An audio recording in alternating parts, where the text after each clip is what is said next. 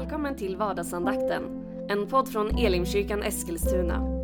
Vill du veta mer om vilka vi är, vad vi tror på och hur du kan komma i kontakt med oss? Gå då in på www.elimkyrkan.com. Nu lyssnar vi till dagens andakt. Välkommen till vardagsandakten. Jag heter Joel Backman, jag är pastor i Elimkyrkan i Eskilstuna. Roligt att du är med och lyssnar. Sprid gärna podcasten till dina vänner och bekanta så att vi blir ännu fler som tar del av innehållet. Vi håller på att läsa igenom Efesierbrevet och det gör vi därför att det är Equmeniakyrkans temabok för i år.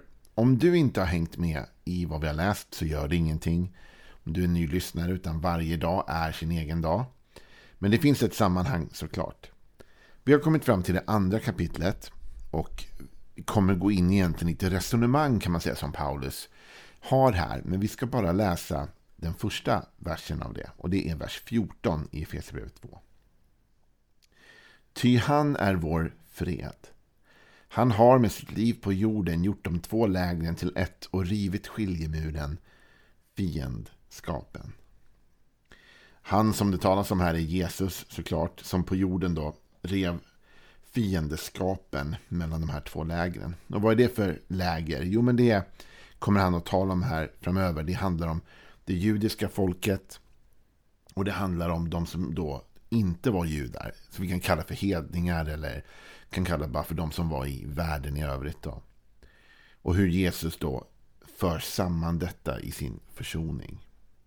Men jag vill stanna upp vid bara vers 14 och läsa den idag som en, som en egen tanke och inte bara som en del av sammanhanget. Och jag tror inte jag gör våld på texten utan det som ligger i detta ligger även i hela argumentet men jag vill stanna upp just här. Det talas om Jesus som vår fred. Som den som då sluter fred, vilket han kommer att göra då här i argumentet lite senare. Men så kommer den här raden. Han har med sitt liv på jorden gjort de två lägren till ett och rivit skiljemuren. Han har med sitt liv på jorden. Det där är intressant att Paulus uttrycker det så. Och det får mig att tänka kring mitt liv. Kanske får det dig att tänka kring ditt liv också. Alltså vad vill jag göra med mitt liv? Den tid vi har här är begränsad. Det var den även för Jesus. Faktum är att han levde ett mer begränsat liv än många av oss. Jesus dog ju när han var runt 33 år. Och sen uppstod han igen, visst, och var kvar på jorden i kanske 40 dagar till innan han till slut åkte upp till himmelen. Men oavsett detta så var han inte på jorden särskilt länge. Det var en kort tid. Och den tid av de 33 åren som han var i någon sorts aktiv tjänst, det var bara en tre år. Så ganska kort tid men ändå. Vad gör vi med den tid vi har? Han är vår fred. Han har med sitt liv på jorden gjort de två lägen till ett och rivit skiljemuren, fiendeskapen. Han skapade fred. Han stod i försoningens tjänst. Det där är ett uttryck som Paulus faktiskt använder lite senare.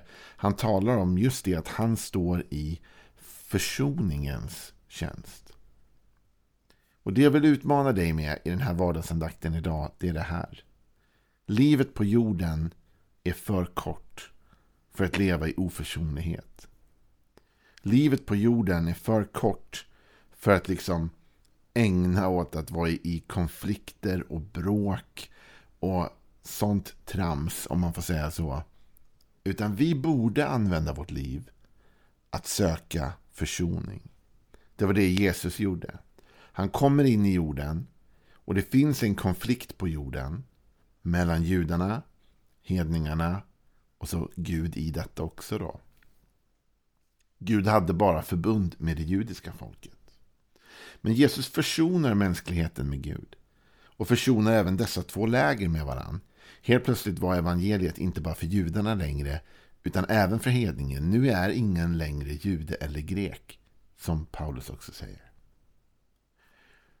Söker du och jag försoning? Är det det vi letar efter i livet?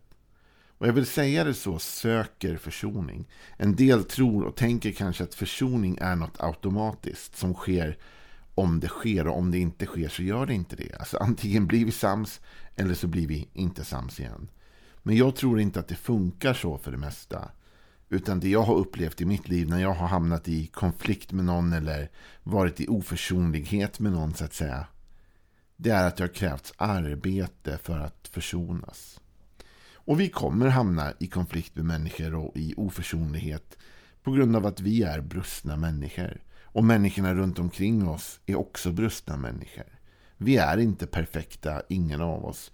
Utan vi bär på svaghet och brustenhet.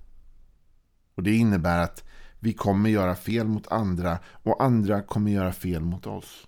Det är inte det största problemet. Det största problemet är om vi söker försoning eller inte. Om vi inte söker försoning med varandra, då blir det bara värre och värre. Men vi har alltid ett val att söka försoningen. Och jag tänkte vi skulle tala lite om det idag. Att söka försoning med varandra medan vi har möjlighet och tid. Det är ju så Jesus har undervisat sina lärjungar vid ett tillfälle. Och Petrus drar lite växlar av det och i Matteus 18, vers 21 så går Petrus fram till Jesus med en specifik fråga. Han säger Hur många gånger ska min broder kunna göra orätt mot mig och ändå få förlåtelse av mig? Så mycket som sju gånger. Jesus svarade Jag säger det inte sju gånger utan 77 gånger. Det känns som att Petrus håller på att testa Jesus hur många gånger han egentligen måste förlåta någon. Eh, och det, man kan nästan se att Petrus har någon person som han tänker lite extra på här, eller hur? Så mycket som sju gånger. Jesus säger nej Petrus, inte sju gånger utan 77. Och vissa översättningar säger sju gånger, ja och så vidare. Det finns lite olika tankar kring det där. Vad exakt talet är. Poängen tror jag är inte talet. Poängen är att Jesus visar Petrus Petrus, du ska fortsätta förlåta. Du ska alltid förlåta, är det Jesus egentligen säger. Du måste fortsätta att visa nåd och förlåtelse mot människor, Petrus. Hela tiden. Vi är satta i försoningens tjänst. Jesus med sitt liv på jorden valde att hela tiden söka försoning. Han gör det till och med in i sin död på korset. Så ber Jesus för de människor som korsfäster honom och han säger Herre, förlåt dem för de vet inte vad de gör. Jesus sökte försoning hela tiden. Och han säger till Petrus, du borde göra samma sak. Frågan är inte hur liksom, lite du kan komma undan med att förlåta. Utan frågan är hur du kan välja att leva ett liv i försoningens tjänst. Hur du ständigt kan förlåta. Och jag menar om du tänker på ditt eget liv, du som lyssnar på den här podden, och om jag tänker på mitt liv. Vad vill vi bli kända för en dag? När du och jag lämnar den här jorden, far upp till, till evigheten så att säga. Vad vill vi att vårt jordliv ska vara känt för?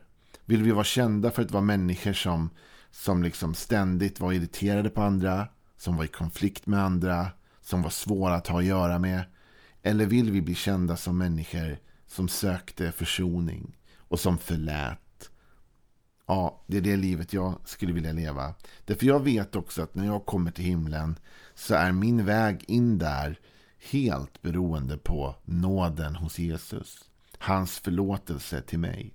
Jag vet att jag kommer komma in för han har betalat priset för mig. Och jag vet också att det fanns ett pris att betala. Det fanns en skuld. Och jag var tvungen att bli förlåten. Och han förlät mig.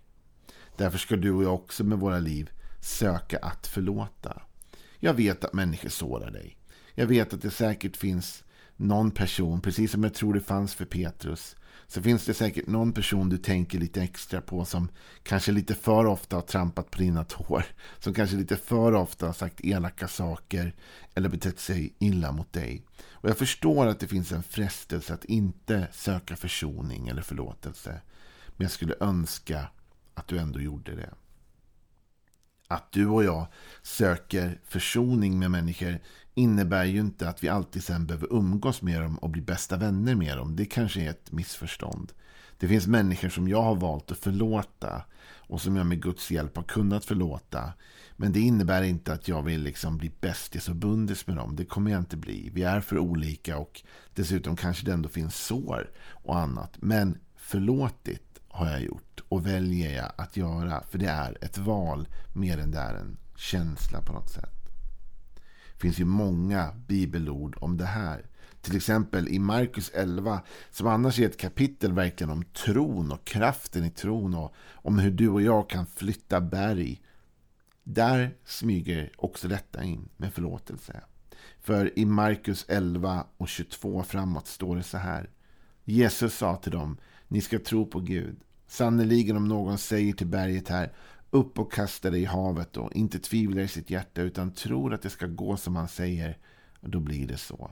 Därför säger jag er, tro att ni ska få allt det ni ber om i er bön. Då blir det så. Och när ni ställer er och ber ska ni förlåta dem som ni har något otalt med. Då ska också er fader i himmelen förlåta er era överträdelser. Det är märkligt att de här sakerna blandas ihop och ibland undrar man varför tar Jesus med det här just här. Liksom. Han har precis talat om tro, han har förbannat ett fikonträd som dog och han säger till lärjungarna ni kan tala till bergen och bergen kan flytta på sig. Så det är så otroligt häftigt, så mycket kraft. Och i detta så säger Jesus att ni ska våga tro på det ni ber om, men hörni, när ni ber, sök försoning. Sök försoning med människor och sök försoning med Gud. Förlåt dem ni har runt omkring er och Gud ska också förlåta er. Det här är också del av den bön som Jesus lär sina lärjungar att be. Han säger så här ska ni be. Och så säger han förlåt oss våra skulder liksom vi har förlåtit dem som står i skuld till oss. Försoningens tjänst. Med sitt liv på jorden så sökte Jesus och arbetade Jesus för försoning. Det är något jag också vill. Och jag hoppas att du vill. Det kräver arbete. Det kräver en insats. Det kräver att man orkar bli besviken. Därför den du förlåter kan mycket väl göra dig besviken igen. Den som trampade dig på tån och som du sa det är okej, okay, jag förlåter dig, kanske kommer trampa dig på tån igen. Och kanske igen och igen. Och frågan är om du och jag orkar hålla kursen. Men livet på jorden är kort. Och jag skulle önska att du och jag insåg det. Även om vi lever ett långt liv på jorden. Även om vi skulle bli 90 år eller till och med 100 år. Så är det en väldigt, väldigt kort tid i förhållande till evigheten. Och i förhållande till det som verkligen är viktigt. Och vi ska inte slösa bort de här åren på att leva i oförsonlighet. Utan vi ska lära oss att förlåta. Som Kristus har förlåtit oss ett liv i försoningens tjänst. Jesus går in lite grann på det här i ett annat sammanhang. Då visserligen när det handlar om mirakel och att göra Guds gärningar. Jesus har botat en, en person som var blind. Men så säger Jesus någonting intressant i det här sammanhanget också tycker jag. Johannes 9 och vers 4. Medan dagen varar måste vi göra hans gärningar som har sänt mig. Natten kommer då ingen kan arbeta. Så länge jag är i världen är jag världens ljus. Så länge jag är i världen är jag världens ljus.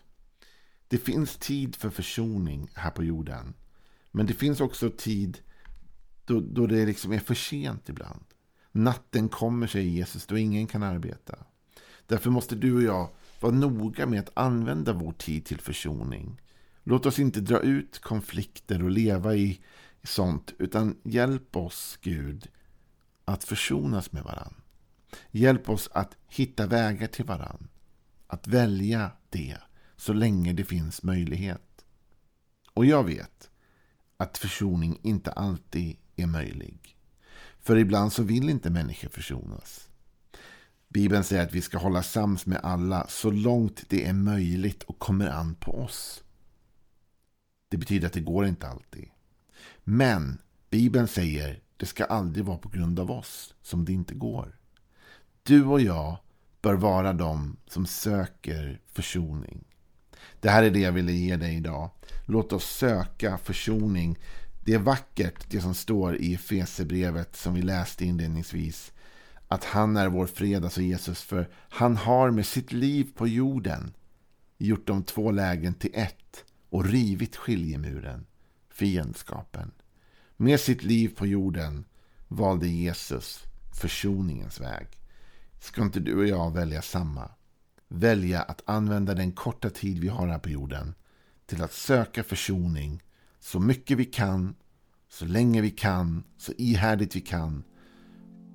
Och om det inte går, då går det inte. Men det är inte på grund av att vi inte försökte. Sök försoning idag. Vardagsandakten är snart tillbaka igen. Ha en välsignad helg. Hej då. Du har nu lyssnat till vardagsandakten från Elimkyrkan Eskilstuna. Du har väl inte missat att vi finns på sociala medier? Eller att vi varje söndag firar gudstjänst? Hoppas att vi ses där.